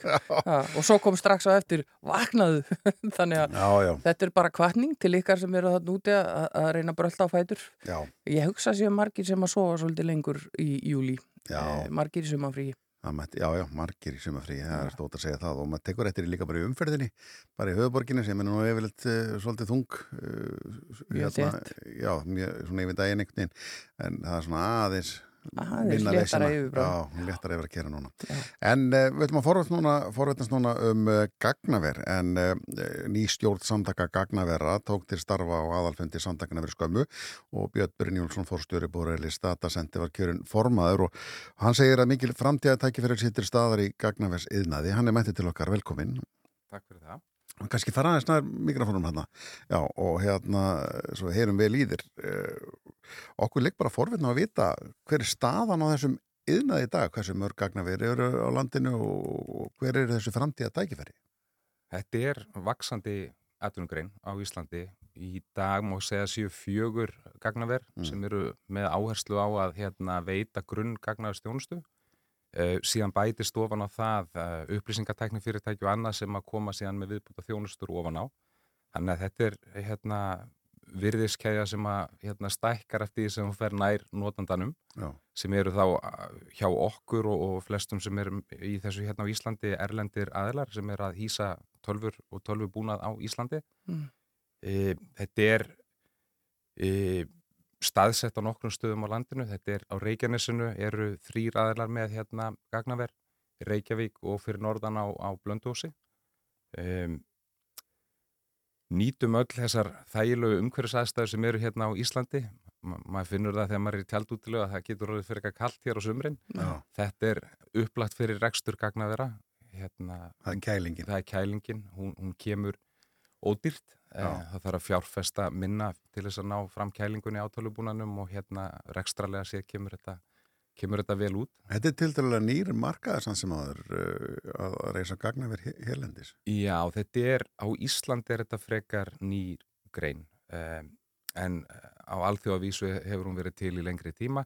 Þannig að það má segja að það sé einn af áskorunum hjá okkur sem erum að reka gagnaver á Íslandi að það er að fara inn á markað sem þegar er orðin mjög uh, hvað maður að segja ja, komin langt Já. og hérna þetta er geiri það sem að mikil áhersla er á öryggi þetta eru krítisk kerfi fyrir okkar kúna Eh, því kannski getið ímyndað eitthvað sjálf hvað, hvað það þýðir ef að gagnaverð fer niður sem er að veita þjónustur á borfi greiðslumiðlun og slíkt. Mhm. Eh, Við viljum ekki að það gerist. Nei. Þannig að hérna, öryggi er nummer 1, 2 og 3 og að fara inn í svoleiðis geira tekur tíma. Já. Þannig að jáfnvel þó að þetta sé að verða þroskað á Íslandi að þá sér maður fram á að hérna hlutinni muni halda fram að vaks og dafna eftir því sem líður á. Þetta tekur allt saman tíma. Já, svo er það uh, þessi umræða um orkumálin. Uh, það, fer orka, mikil orka í að reyka svona gagnaver. Já, vissulega og það er held ég einna kostun við það að vera með tölvuhýsingu á Íslandi að það er að það fyrir minni orka í að veita þjónustuna að því að þú sparar í kælingunni. Að hérna, þú getur verið með á bylnu kannski 30 til alltaf 100% overhead ef ég má sletta ofan á hérna orkunótkunna til þess að kæla. Eh, hér á Íslandi erum við langt fyrir neðan það. Eh, í okkar húsum eru við kannski á bylunu 3% sem er að bæta stofan á í kælingu á, á sumrin Mm. þegar við þurfum hvað mest þannig að þetta er gríðarlega hagkvæmt að gera þetta hér e, þetta er líka þægilegt til flutnings við getum afhend okkar þjónustu hvar sem er í heiminum á einu augnabliki Mm. e, sem þýðir það að við getum í raunni umbreytt orku auðlind sem er reyn og græn í rafræna vöru og afhend hana hinum einn á nettunum nánast samstundis Já. í því felast að, að okkar mati greiðlega tækifæri í að koma e, endur nýjanlegum orkugjöfum í, í form vöru á, á þægilegan máta. Já. En, en sko fyrir okkur leikmennina sem að uh, skiljum kannski ekki mikið í þessu, uh, hvað, hvað er verið að framleiða í þessum gagnaverum? Það er ímislegt. Þetta er, ég held að öll gagnaverin hér heima eru með áherslu á fjölbreyttan hóp viðskiptavina. E, viðskiptavinni sem kannski sjá tækifæri í að fá sjálfbæra þjónustu veitta hér á hagkvæman máta og með áherslur á það. Það er okkar, okkar svona helsti markkópur myndi ég segja. E, þetta er allt frá gagnageimslu yfir í útreikninga. En, er- en þessi frasi sem við heyrum, já, okkur ættu við að vera að eyða orkunu okkar í að framleiða eitthvað rafmynd fyrir útlendinga. Ég held að... Er, er það réttmætur frasi? Í, nei, ég myndi ekki taka undir það. Ég held að, eh, ég held að sem þjóð að þá sé gott að horfa í það hvernig við erum að nýta orkun okkar. Ég held við viljum vera með fjölbreyttan yðnað sem er að nýta hana, uh, fá ákveðna áhættudreyfingu og, og vera með minni grænan yðnað með uh, stórum notendum og, og dreifa því Mm. og ég held að gagnaverin geti verið einn partur af þeirri mynd. Mm. Um, vissulega nýtum við orku og, og hérna við erum að nota talsveit miklu orku í heiminum í dag í að reikna og, og veita okkur þessar stafrænu þjónustu sem að flestir vilja hafa. Svona aðeins á reikin ákvæma tölur en, en síðast þegar við skoðum þetta þá að vera að tala um að það veri svona bilinu 23% af orkunótkun heimsins sem færi í tölfur og tölvu útreikninga. Mm. E, það er spáð þetta fari í 10% á næsta áratug eða svo. Mm. Þetta þýðir að við þurfum að vanda það hvar við erum að setja tölfur í samband og reyna að nýta þá orkugjafa sem eru sjálfbærir til þess og þar eru Norðurlöndin frábær. Já. Betra að reikna á Norðurlöndinum og senda eh, stafrænu vörun eitthvað annað. Já, en, en þegar kemur að þú tala um að reikna, er, það eru þessar rafmyndir sem alltaf er að tala um, það er að grafa þeirra rafmyndum og það er einhver svakalega tölfur í það. Er mikið um það í þessum gagnaverum? Rafmyndir eru vissulega í gagnaverum. Ég myndi segja á Íslandi þá er hlutfallið á rafmyndum að fara minkandi í gagnaverunum. Uh, áherslan er á fjölbreytta flóra kunnum þannig að ég held að markmiði hjá íslensku aðlunum sé að hérna dreifa, dreifa kúnahófnum yfir hérna stærri, stærra mengi Mm. um, og þetta er eftir hvað þú ert að gera þá fer mismunandi og mikil orka í, í hérna tölvurnar. Gagna geimsla tekur til dæmis minna heldur en HPC eins og við köllum það sem stendur fyrir High Performance Computing. Uh, blockchain eða rafmyndir er eitt partur af HPC en það er bara eitt partur af, af stóru mengi og hérna þú ert að horfa í að það, það er kannski nýta sambærlegt uh, orkumagn og einhver sem er að gera árækstrarhermannir á bílum sem dæmi. En hvernig eru svona framtíðaplönin? Uh, eru fleiri gagnaver á Íslandi í kortónum? Ég myndi segja að við viljum vaksa sem geiri uh, eitthvað. Ég held að það séu tækifæra að fá stóra aðila til landsins sem eru hérna þekkt nöfn hjá öllum hér heima, bara sem dæmi að þá uh, var tilkynnt 2020 um verkefni í Danmörku af Google og ég held að það væri áhuga, áhugavert fyrir landið að vera með slíkan viðskiptavinn staðsettan hér. Áhrifin af því er umtalsverð. Við erum að tala um að þar var fjárfestingu upp á um 100 miljardar uh, á verkefna tímanum og áhrifin uh, árleg eftir það rúmlega 10 miljardar af því verkefni sem að hérna var sett upp í Danmörku. Er, jákvæð. er það þessi svo kvöldu skí sem að... Já, sem þá að- var þetta skýja. skýja En eh, veitir þetta mörgum störf? Er þetta, er, er, er þetta mannfrekt? Þetta er að veita ég myndi segja að þetta sé að veita í einhverjum skilningi góð störf. Þetta krefst sérþekkingar. Uh, þetta krefst uh, hæfni í tölvurekstri uh, þekking á tölvubúnaði og slíku. Þannig að þetta er, þetta er gott þegar þetta kemur hvað það varar í dag myndi ég áætla að væri svona í kringum 100 störf beint í geiranum hjá gagnavörunum og svo koma afleitu störfin ofan á það og þau eru allt frá því að vera uh, rafvertakar að reka háspennukerfi yfir í það að vera fólk sem er að vinna með uh, hugbúnað og allt þar á milli. Já. Það eru að tala um að, að, að þetta séu bara stæðunar af, af einhverjum ofur tölvum sem að séu samtengdar. Já, það má eiginlega segja það. Þetta er bara svo leys. Þetta er svoleiðis. E, og, og þið, fyrirtækirinn þú ert með, það er á blöndósi og af hverju eru þið þar? Við erum þar engum út að aðgengja orku, þetta er góð staðsetning varandi tengingar inn á, inn á kerfið, nálagt uh, virkun og, og aðgengja grænni orku í gegnum það. Uh, áhættulega séður þetta koma líka vel út, þetta er góð staðsetning hvað það var að uh, kælingin góð og, og svo framvegs. Mhm. Þannig að, hérna, að vera í örugu landi fyrir gagnarstjónastur og Ísland er, er mjög gott hvað það varðar. Við erum hátt á listum þegar það er verið að flokka gagnaver eftir öryggi Já. Uh, og á örugri, örugri staðsendingu og í örugu landi það, það er gott. Já, og, og nettengingi við útlönd og svona eh, hjá okkur ber þetta alveg. Það má alltaf bæti í. Það er ekki spurning. Það er gríðarlega jákvæmt að sjá Íris-verkefnið verða veruleika. Það er verið að leggja sem sagt í dag nýjan sæstreng, fjarskiptastreng til Írlands. Þar með tengist Ísland við Dublin sem er í einhverjum skilningi mekka gagnaðurskeirans í, í Evrópu. Það er mjög jákvæmt skref. En þessir inn, innviðir sem við þurfum sem þjóð, það þarf að hlúa þessu, það þarf að passa að þessu sé viðhaldið og, og það þýðir reglulega endurfjárfestingar í, í sæstrengjum ef við viljum vera með vel tengda Já. eigu í miðju ætlansafið. Er ekki einhver strengur að koma frá Kanada til Írland sem tengist þú okkur einhver leti? Það er í dag strengur sem kemur í gegnum Grænland sem Já. heitir Greenland Connect sem lendir á Íslandi líka. En svo er Írland mjög vel tengt við Bandaríkin og Norður-Ameríku. Já, það er náttúrulega, eh, Írland er svolítið svona eh, sletti hub, svona miðstöð fyrir eh, þessi fyrirtæki inn í Evropasamandi. Já, það má eiginlega segja það. Já. Og það sem er áhugavert er að í, í, í gamla dag voru það hafnir, síðan játbrautalestir sem gerðu borgir að, að hérna góðum stöð. Já. Í dag er þetta verða í auknum mæli stafrænir innviðir. Og ekkert vandamál með, með ljóslegra tengingar kringum landið.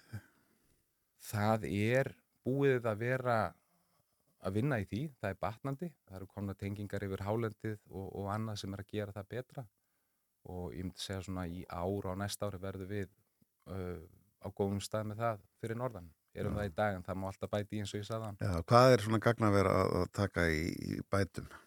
Í flutningi, Já. það er gríðarlega mismunandi eftir viðskiptafinnum. Ef þú ert að reyfa gögn, ef þú ert með svona stórar gagnageimslur, þá er þetta gríðarlega mikið magn. Mm. En ef þú ert í þessum þungu reikningum að keira einhver mótel með áreikstra hermun sem dæmi Já. þá ertu meira að færa grunngögn og sækja niðurstöðunar þannig að þetta er, þetta er fjölbreytt Já, já.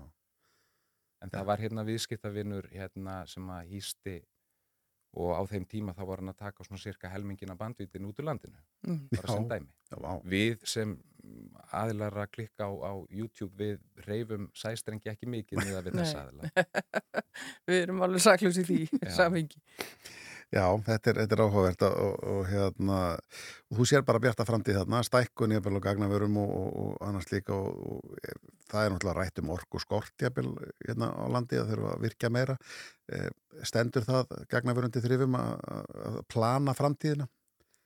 Nei, ég held að við séum á allt í lagi stað með það. Já. Eh, Við getum vaksið á ólíkan máta með okkar kúnum Mhm. með mismunandi orkuþörf og slíkt, þannig að það er í lagi. Ég held að framtíðin þessu sé björt. Eh, Við erum til þess að gera nýlega komið með nýja fjárfesta sem eru með langtíma sín, innviða fjárfesta sem eru að hugsa til áratuga Já. og fókus á sjálf, sjálfbærni og við höfum séð þetta í hinnum íslensku gagnaverunum líka. Ég held að staðan sé góð og fyrir okkur skiptir miklu máli að hámarka virðiskeiðuna og horfa til framtíðar. Já, en að því að þú varst einnir kjörin formaður eh, þessara samtaka gagnavera DSI, akkur þurfa fjögur, fimm gagnavera að taka saman í, í, samtök, Hva, hver eru samili markmið þar? Það er kannski fyrst og fremst að bæta umhverfið, gera það samkefnishæft við önnur lönd. Já. Við erum í alþjóðlega samkefni, okkar kúlnar eru erlendir, þannig að þegar við erum að, að hérna, vinna til okkar viðskipti þá erum við í samkefni við hinn Norðurlöndin, önnur Evrópu, ríki, Norður Ameríku. Þannig að það þarf að tryggja það að viðskipta umhverfið sé gott fyrir þessa aðla. Já. Takk fyrir að koma til okkar eh, Björn, Eh, þetta var mjög áhugaverð Björn Brynjúlsson, fórstjóri í Bórælis Datacenter og, og nýr formaður samtaka gagnavera DSI, eh, hérna gangi ykkur vel. Takk fyrir. Já, við ætlum með það rétt á eftir að heyra að því hvernig er að vera edru forvitin. Uh, förum í frétta yfirleitt klukkan hálf en heyrum fyrst hér í Manic Street Preachers sem segja You stole the sun from my heart.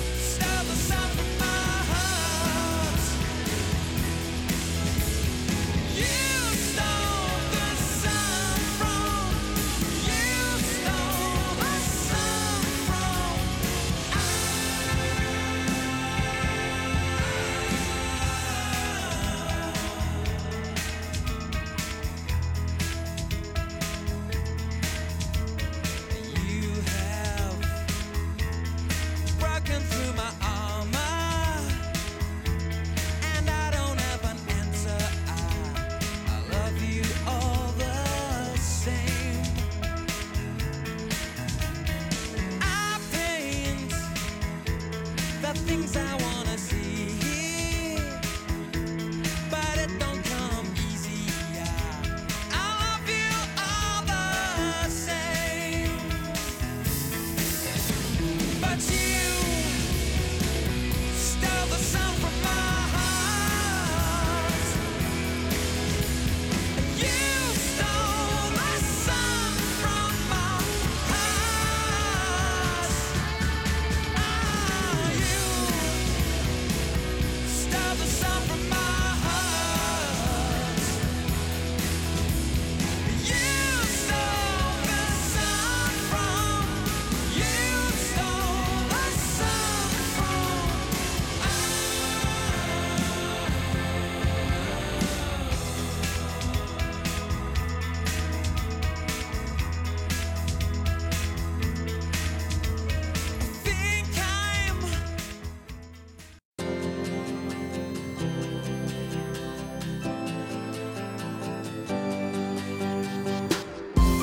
Hlusta á morgunútvarpið á Rástvö. Alltaf alltaf ára meir í morgunúndarpinu og úr gagnaverum yfir í eh, allt annað. Ætlum að eh, ræða við Steinar Þór Ólafsson sem er sérfræðingur í samskiptum og miðlun. Hann er á línunni okkur. Góðan daginn. Góðan dag. Góðan daginn. Sko, ég rakst á, á greinetti þig inn á, inn á LinkedIn þar sem að þú talar um að uh, edru, talar um edru forvitni, eitthvað sem þú prófaðar 2018. Hvað í óskopunum ert að tala um? Já, ég, uh, ég sem sagt er, er svona frekast lélugu drikkjumar, svo má segja. Já. Og uh, hef svona oft verið einhvern veginn að velta fyrir mig hvort maður kannski ætti bara að hætta alveg að drakka eða ekki, finnst bjór ekkert spes. Og ég rakst á bók sem heitir uh, Sober Curious er þetta gæja sem heitir Ruby Warrington það sem hann er svona í raun og raun tala fyrir því að það séu svona alls konar, bókin heitir heldur sko fullinarni Sober Curious góðu hlutirni sem býða okkar handan áfengis og hann svona einhvern veginn nær utanum þetta hugtak að hætta að drekka á öðrum fórsöndum heldur en þeim að kannski eigum við eitthvað áfengis vandamálstriða Mm. og það var svona kveikja með þessu Já, og þú prófar þetta 2018 og ertu bara ennþá þar eða, eða hvernig gekk þetta hér? Nei, ég er reyndar þarna, ég er alveg skelvilegur svona posterboy fyrir, fyrir þetta sko. Þess að ég, ég gerði þetta 2018 en, en svo ég áttaði mig á því að ég, ég væri ekki tilbúin að hætta alveg sko. Nei. Þannig að ég, ég, hérna, ég get ekki sagt að ég hafi, hafi frelsast eða eitthvað svoleiðis. En hvað var svona sem stóð upp úr í þessar tilrun? Já, datta hann okkur út? Nei. Nei, ég- er þarna? þarna? Uh, svona, eftir þessa tilrunina, hvað er það svona sem stendur upp úr sem að, sem að þú myndir segja að væri uh, áhugavert og þú mældi með? Já, sko það sem var kannski svona mín stærsta upplöfun af því að, að svona algjörlega hægt að drekka varunur hver svona stóra rullu áfengi spilar í svona, svona félagslíðum hans í raun og veru og hvaða er einhvern veginn setur mann svona svolítið á skjön við stemninguna að drekka ekki áfengi. Af því að á flestu viðburðum í raun og veru er gert ráð fyrir að þú drekkir áfengi þetta er spurningin sko raust eða hvít ekki hérna hvað maður bjóður að drekka og það sem er sinni bóði er kannski bara blandið sem á að nota í áfengi þannig að ef þú ætlar ekki að drekka þá, þá býðst þér djús, uh, kristall og kók eða eitthvað svoleiðis sko. Já. Það er svona já, það er náttúrulega orðið mikil, mikil vakning þegar kemur að uh, drikkjum uh, svo bjór og fleiri sem að eru 0%. Já, mjög mikið og, og hérna hef fæst í mikið vöks og eftir þess að fæslu sem ég skrifa ég fekk hérna einhverjar mjög skemmtilega radiosendur ég sá að hérna, Advania var með einhvern viðburð þar sem þau sett upp sérstakann bar þar sem að var eh, í raun og veru bara óafengubar Já.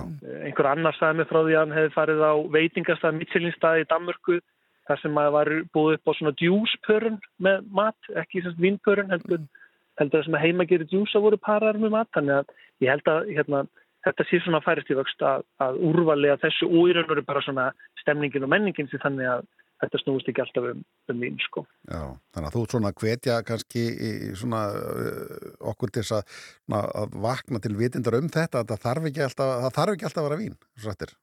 Sko, ég reyndar alltaf ekki að vera einhver svona sérstakur, ég, ég vona þetta hérna, kom ekki þannig út, ég sé einhver sérstakur kannski maður gegn áfengin, meira bara að kannski að valkostinu séu bóði ef þú hefur ekki áhuga á því eins og fyrir fyrirtæki, ef þú ætlar að vera með einhvern happy hour á fyndudegi það, það kostar enga brjála fyrir hérna, að kaupa líka sparkling tea sem er svona freyðivíns uh, alternativ má segja eða ófengan bjór og bjóð upp á það líka og þá getur fólk bara fengið sveit og þannig og tekið átt í stemningunni en það er svo heim og sett í rottavel og hort á frektunar eða langar að gera það.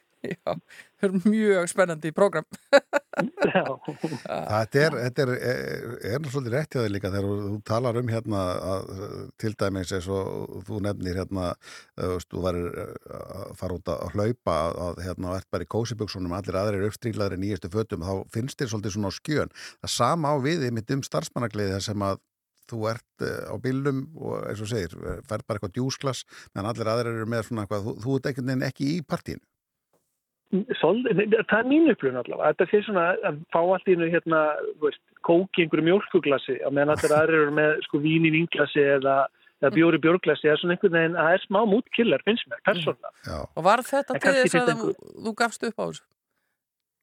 Já, e, sko, að hluta til, ég skal alveg viðkynna, að hluta til, þá, þá kannski hérna ítti þetta svona undir að, að, að það gerða, en svo hérna, ég ætla ekki að segja að ég hafi síðan eitthvað hrunir í það sko, en, en það er lægi að fá sér kannski einn eða tvo bjóra eða svo sko, en já, en, já þetta, þetta er klárlega áhrif, ég get alveg það. En það snýst kannski mest um að valið sé til staðar. Já.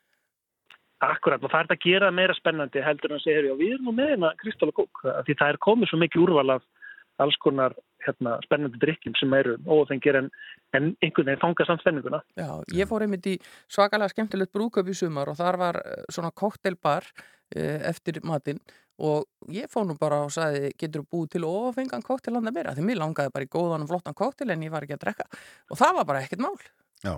Já. Það er ekki ekki Ég veist þetta Þannig átti að vera. Já, þannig átti að vera og mér finnst þetta æðislegt. Ed- að vera edru forvitin þetta er mjög skemmtilegt upptak Mjög gott mál. Já, þetta er, þetta er, þarna, einmitt, þetta er, maður þarf, það þurfi ekki allir að, að hætta að drekka eða, eða breyta áfengist þessu sinni á þeim fórstum að þetta snúist endilega um það að maður er yfir eitthvað vandamálstri. Það er svona kannski kjarnin í þessu super curious eða edru forvitni að þú getur prófað að hætta að drekka bara af því að þið finnst það betra fyrir andlega líkalega hinsu eða bara því að langar að gera þunnur eða hvað það er. Já, já, nákvæmlega. Og þú ert að hvetja mitt fyrirtækjan að hafa þetta í huga þegar að vera að, að skipulegja starfsmannagleðina. Já, það, það er mín kvartning. Já, Steinar Þór Ólafsson uh, takk fyrir að tala við okkur og hérna uh, við hljóttum að skoða þetta öll sumul, það, er Já, alltaf, það þarf ekki alltaf að vera vín. Nei, nei, það, það má allavega vera eitthvað með Já. sem er ekki vín.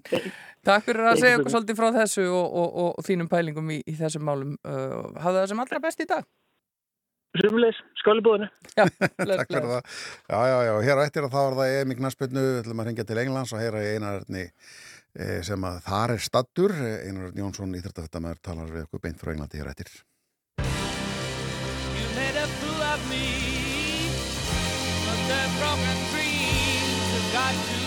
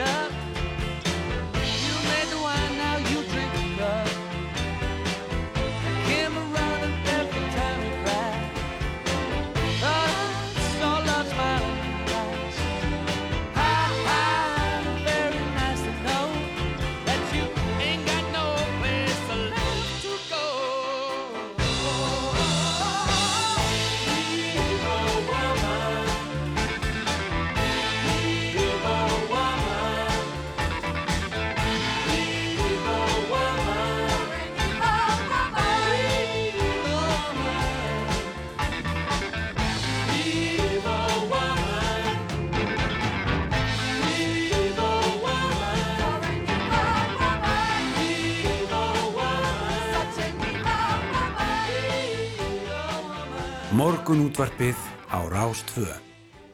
Já, það er stóri dagurinn í dag á EM Kvenna í knaspinu fyrir liðið okkar, íslenska landsliðið, því að í kvöld ræðst hvort að um, þetta fjör heldur áfram eða ekki. Já. Það er þessi stóri leikur við frakka og á línunni hjá okkur er Einar Örn Jónsson sem er stattur á Englandi. Góðan daginn. Góðan daginn. Það er svo margt einar einhvern veginn sem hægt er að tala um í tengslum við hennar leik í dag, alls konar pælingar en, en svo er þessi stóri umhverfisfaktor sem að er veðrið. Hvað er, hvernig er hitastegi núna? Hittastegi núna er að, er að detta í 25 gráður og, klukkan ekkur um 10 á mótni. Þannig að það verður vildjóðslega heitt hérna í dag. Það verður um 37 gráður og kannski eitthvað aðeins tæmlega það þegar leikurum verður flautaður á. En sem betur fyrir er þetta kvöldleikur. Já. Þannig að það byrja náttúrulega aðeins að kólna eftir sem nýður á, á kvöldið og sólinn verður allavega ekki að, að baka leikmenn meðan á leikstendur. Já. En það verður modla og náttúrulega rosalega heitt. Já. Eru engin viðmið í svona, uh, ég þekki það svona úr hestamótunum að það er kannski svona þegar að komið upp í ákveðin vindstyrka þá bara verður maður að flauta þetta af í byli en, en er bara hægt að spila knaspinu í, í svona hita? Já, það er nefnilega lítil viðmið um nákvæmlega hvenar þú átt ekki að spila. En það eru först viðmið um, um hvenar það eru vasspásur. Og það verða vasspásur í kvöld, eini hvorum hálfleik, Mm. af því að hitin er yfir 32 gráðum þegar að uppbytun byrjar. Það, þar leikur viðmið. Ef það er meiri 32 þegar uppbytun byrjar, Já. að þá er, verður vasspása í, í leiknum. En svo náttúrulega er það í rauninni alltaf bara mat dómarans í rauninni. Það er dómarinn sem á endanum metur líka ástand ballarins eða búið að vera mýjandi rigninga eitthvað sluðist. Þannig ef að dómarinn segir og, og ber það undir fólk að það sé bara þennilega orðið hættulegt að spila þá verður ekki spila. En 37 gráður er rosa heitt og rosa óþægilegt en, en ekkert ómögulegt. Það er bara, það er bara að neyta meiri vökva til að bæta fyrir vökvatapið. Það er er þetta fyrir to, topp íþróttafólki í góðu standi þannig sé ekkert hættulegt. Já, en fyrir áhörundur sem að er á svæðinu, ég tók eftir í fyrsta leiknum, það var myndir úr stúkunum og slíkt að þá voru við ítsendingarnir svona ekki alveg átta okkur á hvað við, hvað við vorum að fara að gera því að maður sá að fólk á góð með leikskrána um höfuðið og annars slíkt, var ekki svona já, já. tilbúið í þetta. Nei, ég meina höfu fatt alveg já. klárlega. Uh, vökva sér vel yfir daginn og þá er ég ekki að meina bjór af því að þú tapar vökva út af honum. Já, áfengið er. Orku, já, orkudrykki, vatn og svo bara svolvörn og, og svona reyna einhvern veginn að halda sér nokkuð nokku svölum yfir, yfir daginn. Já. En eins og ég segja, af því að sólinn verður að setjast, þá verður þetta, verður þetta þægilega en það verður kannski yfir miðjan daginn. Já. Við erum meira á að gera fólki á, á fansóninu og leiðinu á völlinu og meðan sólinn er að baka. Já, er mikið af Íslendingum þetta núna, það hefur verið tölvörðu fjöldi á fyrir leikjónum tveimur, þetta er á öðrum stað, e, jafn mikið af fólki á ferðinni, veistu það? Ég er ekki alveg viss, ég hef eftir að fá endalegu tölurna frá, frá KSI, þeir láta okkur yfirleitt vita svona í hátteginu nákvæmlega hvað margir Íslandingar eru á, á hverjum leik, en við vorum rúmlega 2000 á, á hvorum að fyrirleikjanum og ég vona að við verðum ekki mikið færri en það núna, þetta er, þetta er stærri völlur og, og frakkar mæta talsveit betur en, en bæði, bæði Ítalir og Belgar hafa gert, þannig við þurfum á okkar fólki í fullum rattstyrka halda í kvöld. Já. Er er eitthvað líkur á því að frakka muni kvíla eh, hérna leikilmenn? Ég hugsa ekki, ekki marga allavega. Það er náttúrulega mistu Katóto sóknamannin sinn og, mögulega besta sóknamann Evrópu að hefur tilkatt til þess. Mistu hana í, í leik 2, en hún verður ekki með. Ég hugsa að sé ekki að vera kvílaritt rosalega margar. Við séum bæði England og Þískaland mæta með svo gott sem sín sterkustu lið til leiks í svipari stöð og frakkar búin að vinna reyðilin og tryggja sér áfram. Þannig að liðin vilja halda, halda dampi, halda svona momentuminu gangandi og, og halda öllum í, í góðum gýr í leikjunum. Fara sennilega að skipta varamönnunum inn á þess fyrr en ég held að vera ekki meira en kannski þrjáfsvöru breytingar á franska liðinu. Og þá er þetta að Katóto breytinguna með. Já. E, okkar lið er allir í toppstandi þar, eitthvað nýtt að frétta af því, engin meðsliða álag sem að hafa áhrif á það? Nei, ekkert, ekkert sem er að sjá íslenska liðin nema bara þessi, þessi meðsli vara markmannina sem að komu fyrir, fyrir tvoleikina Mhm. en, en svona, okkar, okkar aðal, aðalsprautur er allar heilar og, og vonandi hefur líka minn komið nokkuð vel út úr þessum tveimur leikjum fyrir þær sem hafa spilað báða fyrirleikina sem er reynda flestar Já. en það er svona kannski miðjumenninir helst sem að maður hefur, hefur aðeins áhyggjur af það eru búin að hlaupa alveg óbúslega mikið og, og vonandi eru þær bara búin að jafna sig eftir, eftir leikin við Ítalíu. Já, uh, farða eins yfir þetta með okkur einar, uh, sko, hv- hvaða möguleikar er í stöðinni Hve, með, með stígin og úslit annara leikja og allt þetta, Hva, hvaða sénsa eigum við? Ég sko besti möguleikin er að við vinnum, þá förum við bara örgulega áfram í áttalegu úrslit á, á samt frökkum, þá getur hvorki Ítalía nýja Belgia náð okkur. Við erum núna með, með tvö stygg og Ítalía og Belgia eru með sikkur stíl, frakka með sex. Eh, ef að við gerum jafntefni við frakka, þá förum við samt áfram ef að Ítalía og Belgia gera líka jafntefni. Þá fá öll liðin eitt stig og, og, og við förum áfram í, í öðru seti. Ef að við töpum 2-1 og Belgia og Ítalía gera jafntefni 1-1 þá erum við jöfn öllum hinnum þremur liðanum að stigum og með sömu markatölu og, og Belgia og þá fer þetta að verða verulega flókið. Þá mögulega endum við í fjölda gulra spjalda í allri reyðleikættinni til að sker úr á milli Íslands og Belgi. Já. En sérst ef að við töpum með einsmarksmun og Ítalja og Belgia gera, gera jafntefni að þá endum við mögulega jafn Belgia á öllum tölfræði þáttum. Þannig að þá þarf að fara bísna djúpt niður. Já, Ég hérna, skeri út úr á milli þeirna. einhver tíman manni eftir einhverju, kemur okkur öruglega áfram, jafntefni í báðum leikum kemur okkur líka áfram. já, Annars þurfum við að fara í mjög flókna útrekninga. já, ég man eftir einhver tíman á einhverju fótboltamóti á örglega með krakkana mín eða eitthvað að þar var svona regla þar sem að sá sér skorað á undan komst áfram, en, en þarna erum við bara komin alveg niður í spjöldin, sko. Já, það er alveg langur listi af uh, tiebreakers eins og það kallaði, bara hvað, hvað sker á milli liðana og annars það byrjaði á því að auðvitað fleiri stig og svo erstu komin í uh, sem fótboltinn skipti yfir í innbyrðis viðregnir fyrir nokkrum árum. Já. Í gamla daga var bara fleiri stig og svo bara hrá markatala alveg. Mm. Eh, En það er búið að breyta því og færa því yfir í innbyrðis viðregnir og innbyrðis viðregnir okkar á móti Ítali og Belgíu urðu báðar jafntefli. Þannig að þá þarf þetta að halda áfram niður, þá ferðu í fleiri mörg skoruð í innbyrðis viðregnum tryggja liða og eitthvað og þá er það allt jæmt líka af því að það eru öllin að gera. Já. Og svo ferður í held, þá ertu komin í- síðan niður í heldar, þá fyrir að draga leikinu með Fraklandin í þetta líka, þá hrinur Ítalía út af því þeir töpuðu svo stórt á móti Fraklandi. Já. En ef það fyrir 2-1 fyrir Frakland gegn okkur og 1-1 á Ítalíu og Belgíu, þá er markatala Íslands og Belgíu í öllum leikjum riðilsins og innbyrðis jöfn. Já, hérna. Þá þarfstu bara að finna eitthvað annað og þá eru guðluspjöldin næst. Já, já, já. En þú ert búin að vera þannig úti allan tíman og fylgjast vel með. eh, Hvert er þitt mat á möguleikum okkar í kvöld? Hvernig, hvernig líst þér á þetta? Mér líst, mér líst ágætla á þetta en ég er samt með, með fyrirhildi maður. Ég er, bara, ég er með fyrirhildi maður fyrir alla, alla stóra landsleiki. En sko liðið, íslenska liðið verst alveg ofsalega vel. Þær eru alveg ofbóðslega þjættar tilbaka sem er svona grunnurinn að því að, ná úslitum. Mhm. Þær eru búnar að skora í báðum leikanum hingað til og hafa fengið í rauninni miklu betri færi en anstæðingar okkar til að bæta við mörgum. Og við erum eiginlega ekki, fyrir utan eiginlega ítaljumarkið, höfum við ekki opnað, eða hafa anstæðingar okkar ekki náða að opna vörnina í eitt einlega skipti. Það svona gefur mér svona pínu, pínu von. Af því að ef þú, ef þú getur varist almennilega, að þá eru við með góð vopn fram á því til að, til að potin marki. Já. En svo verðum við bara að sjá líka hversu mikla, mikið púður frakkarnir setja í leikin, þó það gerir kannski ekki mikla breytingar. Er þreyttur varnamaður endilega að fara að taka hörku sprett á eftir Svendisi Jane á 88. mínútu Mhm. í kvöld. Já, og það er þessi, líka þessi sálræni þáttur frakkana vitandi það að þær eru komnar áfram nú þegar sem gæti haft áhrif. Já, það er þessi, þessi óþægilega staða Mhm. fyrir, í rauninni fyrir okkur að vita ekki nákvæmlega að þekka ekki hugar heim franska liðsins alveg 100% hversu mikið þetta hefur áhrif á, á þær að vera komnar áfram. Ég held að hafi minni áhrif en, en maður vonar Já. en maður vonar Jú, jú. Þá bara Við leifum í voninni. Já, jú, og, og hérna Já. það, það gerir liði líka og við ætlum einmitt að enda þetta spjall okkar á að spila lagið Ég lifi í voninni sem er svona uppáhaldslag hjá liðinu og það er keira á uh, áður en það er fari í leikina uh, Einar, uh, hvernig Spilaði verður þetta fyrir æfingu í gær og svipurinn á fransk, fransku pressunni þegar sá að dansa hann á hliðalínni við einhver íslensk lög og alls, kon, alls konar lög. Þau Já. eru eitt rísastórt spurningamerki.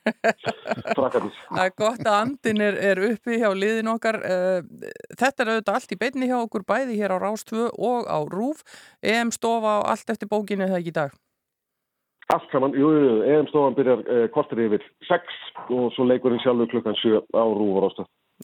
Takk fyrir að vera á línunni einar örn í Englandi og við segjum auðvitað bara áfram Ísland og, og gangi ykkur sem allra best. Takk fyrir það, sumleis. Bless, bless. Já, já, og uh, þá skulum við koma okkur í gýrin eins og stelpunar stjórninni. Ég lifi í voninni.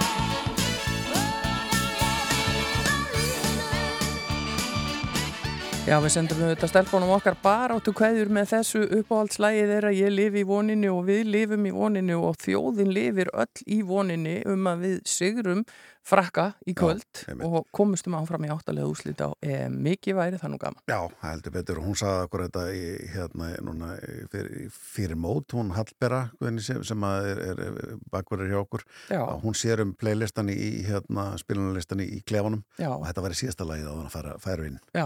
Sagðan, þegar hann var stað fyrir við erum að spila þetta Já, líka. já, já, já, það þetta eru góðar upplýsingar að fá Já. og, og uh, ábyggla margir sem að rúla þessu lægi í, uh, gegn í dag svona til þess að heppa upp stemminguna. Nákvæmlega. Eins og einar örd sagði það einn á hann og þá var að EM stofan á rúf í kvöld eh, eftir fréttaefilitt. Fréttaefilitt er klukkan 6. Svo er það leikurinn og svo EM stofan og eh, fréttir kvöldsins, sjónvarsfréttir, farið loftið 21.20. Þannig Já. að hafið það í huga. Og þær falla þá niður hér á, á Rás 2 en útvarsfréttir klukkan 10 halda sér þannig að, og svo eru auðvitað alltaf vefurinn okkar rú.is fyrir frétta fyrsta, hann eru færður allan sólarhingin Já, já. En uh, það komið að lokum hjá okkur rúnar. Já. Ég ætla að skella mér í sumafrí í eina viku eða svo. Þannig að okkar maður Felix Bergson kemur hér feskur inn í fyrramáli og verður með rúnari næstu daga og uh, við höldum áfram að fylgjast með öllu því helsta sem er í gangi í samfélaginu en hér framöndan á Rástöðu er hefðbundin dagskrá. Það er frétti klukka nýju, svo er það morgunverkin sem taka við og hátegis fréttir og popland eftir hátegi og sítegis útvarpið og allt þetta helst. Þakku fyrir okkur þennan morgunin, hennar mándags morgun, egiði góðan dag eða njótiði dagsins.